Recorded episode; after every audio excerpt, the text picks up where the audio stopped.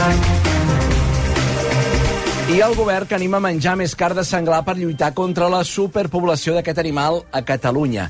Acció Climàtica assegura que al país hi ha uns 200.000 senglars que equival de mitjana gairebé a gairebé 7 senglars per quilòmetre quadrat i fa anys n'hi havia 3 per quilòmetre quadrat. Montse. A RACU, la directora general d'Ecosistemes Forestals i Gestió del Medi Ambient, Anna Sanitges, explica que estan treballant perquè la carn de senglar sigui més fàcil de trobar als supermercats. La carn de senglar és una carn super sana i ecològica.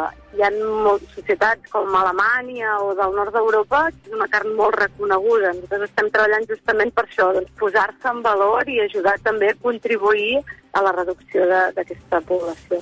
Que tu la puguis trobar també, aquesta carn, no? que vagis al supermercat. A més d'aquesta crida a menjar més carn de senglar, el govern treballa per crear un grup de caçadors que col·labori amb el sector públic per reduir la sobrepoblació de senglars cal posar en valor la figura del caçador, de la persona que fa un control de població per protegir conreus, per protegir les carreteres, per tant, per oferir aquest servei públic. Treballar-ho amb, la amb la Federació Catalana de Caça i amb les associacions de, de caçadors, de tal manera que tinguem la figura d'aquest caçador expert, d'un caçador col·laborador, que en un moment determinat, en una zona problemàtica, pugui venir a donar suport i a fer aquest nombre de captures que faci falta. Acció Climàtica assegura que cada any Catalunya es queda sense 2.300 caçadors. Ara n'hi ha 60.000, que són la meitat dels que hi havia l'any 2008. Les zones amb més concentració de senglars són el Montseny, el Parc de Montnegre i el Corredor, Guilleria, Sabassones, Carrotxa i també l'Alt Empordà. El govern també fa una crida als ajuntaments a que col·laborin tenint cura de l'aliment que es deixa a l'abast dels senglars,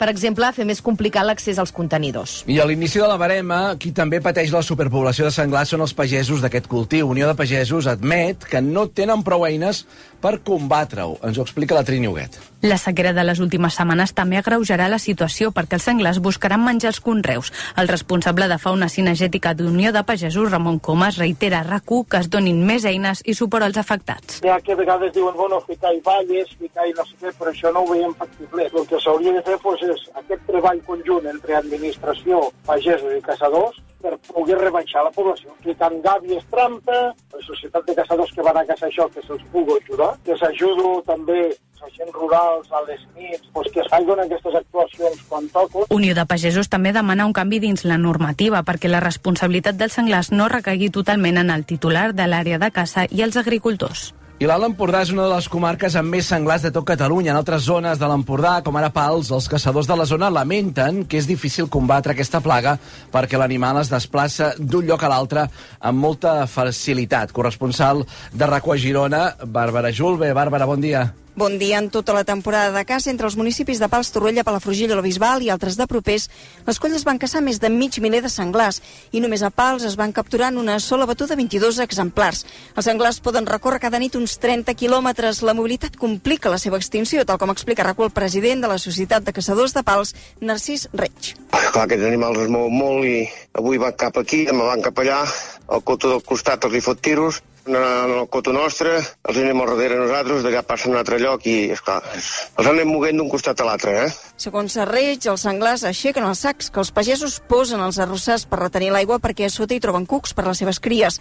S'escapa l'aigua i se n'ha de gastar més. A part dels senglars, a la zona també hi ha altres plagues com la del colom tudó als camps de girassols i la dels ànecs, que a la nit van també els arrossars. I a les comarques de Lleida i de Tarragona, els pagesos també lluiten, lluiten contra altres plagues, conills i rates.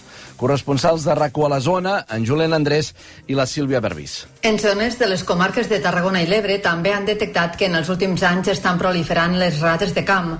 Els que més les pateixen són els productors de garrofa, un producte que anys enrere pràcticament no tenia preu. Com que s'ha revaloritzat, ara els pagesos estan molt més preocupats pels danys que causen o atribueixen els canvis de normativa sobre els raticides a l'abandonament del camp i també a la sequera. Carlos Gil és tècnic de la cooperativa Tortosina Sol d'Ebre. Quan hi ha molta sequera, elles el que fan és rosegar la saba de l'arbre, l'escorça, per a poder menjar, pues, mm, per a poder absorbir líquid, diguéssim. Pues de fa uns 15 dies o així hem detectat que ja comencen a, a rosegar el que és la garrofa, mengen una miqueta de pasta o, o la tiren en terra, però llavors se mengen els garrofins, diguéssim, el que té el valor de la garrofa. Això també, ho fa la mateixa rata. Entre conills, porcs senglars, cabirols o aus com els todons, cap sector de producció se salva dels efectes de la fauna salvatge. A Lleida, en els últims anys, tant per la pandèmia com per l'activació del Pla Alfa 3, l'activitat de caça ha sigut mínima i els conills s'han anat reproduint. Els animals rosteixen els arbres i acaben amb la collita. Es mengen tot allò que es troben, fins i tot els tubs de rec. N'ha parlat a rac un dels pagesos afectats, en Ramon Boleda. I s'ha convertit en una rutina que els matins, primer t'aixeques i has d'anar a arranjar tubs, a controlar i, i, i mira, i fins, i fins que n'hagis acabat ja hi ha passat migdia, entens? Si mos per, a part de les pèrdues que mos porta, pues, mos ha perdre molt temps. En el cas del Ramon, les pèrdues se'n van fins als 200.000 euros. Els agricultors demanen poder utilitzar productes químics ja que les gàbies són molt poc efectives. Fins i tot es recompensa als caçadors per cada conill. I a aquesta hora, al Via Lliure, que volem parlar amb el cap regional dels agents rurals de Girona, a Girona, l'Ignasi de Dalmases. Molt bon dia. Bon dia, bon dia. Eh, sentíem els nostres corresponsals que explicaven que a les Terres de l'Ebre hi ha un problema amb les rates aquest estiu, que el Priorat el tenen amb els cabirols, que a Lleida el tenen també eh, amb els conills, i que a l'Empordà hi ha tot el problema dels senglars aguditzat. Aquest estiu és, és especialment crític? Bé, nosaltres, eh, la nostra opinió és que no...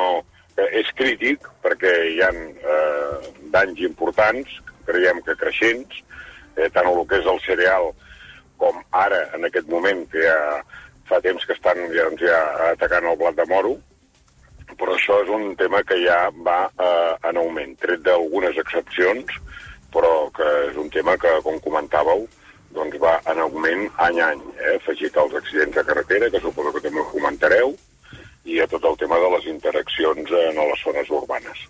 Aquest, aquest anar a més, eh, no sé, no sé si ja sabeu a què es deu, o imagino que també hi ha aquí una barreja de causes. Ja, evidentment, eh? quan hi ha un problema eh, acaba sent al final un, una barreja, com deies, doncs, de, de, de factors que fan que això sigui així. Eh, per una banda, eh, bueno, abans ho comentàveu vosaltres, no? Vull dir que aquest augment de... Per una banda tenim un augment de la població, imagineu que a Girona, doncs cap als anys eh, 2000, si se'n mataven 7.000, ara en aquest moment se'n maten eh, pràcticament 20.000. Eh, per tant, és innegable que els caçadors fan una feina, i una feina important. El que passa que si la població creix, vol dir que nosaltres anem per darrere del problema. Eh? Per altra banda, el sector dels caçadors en el cas també de Girona, si teníem 75.000 llicències de caça, en aquest moment estem sobre les 26, 27, 28.000 eh, llicències. Per tant, vol dir que hi ha menys gent que pugui actuar. Per tant, també són factors eh, que, que afecten directament doncs, a la pressió que es pugui fer sobre aquesta població. Eh? un dels problemes dels que fa referència sobre població de, de senglars. No sé com es eh, lluita, com es pot lluitar des de gent rurals perquè la població de senglars no vagi a més. Bueno, la, part eh, seria més aviat de cara a implementar sistemes. Eh? Nosaltres ja a certs indrets no és una cosa que es diu, sinó és una cosa que hem fet, eh, que, vull dir, que hem mostrat que a part de lo que és la caça esportiva, eh, que com hem dit és molt important, perquè és la gran quantitat de senglars que, que es capturen a Catalunya és per part de caçadors i amb el sistema de batuda, però sí que és cert doncs, que s'han implementat sistemes que s'han demostrat doncs, de que són altament eficients, en captures molt importants, i amb certs indrets. Eh? Una cosa molt rellevant és que en aquest moment, eh, o a partir pràcticament des del mes de març, eh, els senglars doncs, tendeixen a una acumulació en certs indrets, és a dir, on hi hagi menjar, on hi hagi aigua, i on hi hagi protecció. Per tant, mm, pensem que és en aquests llocs on s'hauria d'incidir especialment. És fàcil d'entendre. O sigui, en, en zones eh, boscoses i amb aquesta sequera, és el que dèieu abans, els senglars no hi són, per tant se'ns concentren en certs indrets i per tant seria el moment de poder eh, actuar. Per part nostra, el que et dic, eh, és fomentar eh, sistemes que puguin servir doncs, per fer aquestes captures massives en certs indrets. Dos quarts de deu del, del matí. Què és el que pot fer la població per tal de, de col·laborar? Feia referència a l'acumulació de menjar, etc. Suposo que de donar menjar res de res, no cal dir-ho, però no sé què es pot fer més la, la població per col·laborar. Sí, jo, jo, jo crec que sí que cal dir-ho, perquè malgrat que en parlem molt, és una pràctica que segueix sent eh, eh, habitual, això, eh? sobretot a les zones urbanes i periurbanes. Eh? El senglar de vegades diem que, que, que no fa pràcticament un pas i un cop de morro per res. Eh, tot ho fa doncs, per, per buscar l'alimentació i per trobar refugi. Per tant, seria importantíssim el fet de que el senglar es pugui mantenir dintre del possible doncs, dintre del seu medi, que no hagi de, de desplaçar-se a les zones urbanes per buscar aquesta alimentació que se li facilita. Eh, quan nosaltres eh, veiem doncs, que hi ha interaccions eh, amb l'home, és quan sorgeixen també els problemes. Eh? Per tant, si no facilitem aquesta alimentació complementària o aquesta alimentació, en algun cas, única, de donar-los pa, de donar-los eh, gra, de cebar-los en certs llocs urbans, doncs evitaríem aquests problemes i li trauríem una part important doncs, de l'alimentació que els facilita doncs, que puguin criar. Les altes temperatures també eh, fan, i de fet han fet que ens trobem senglars a llocs on és encara més estrany trobar-ne.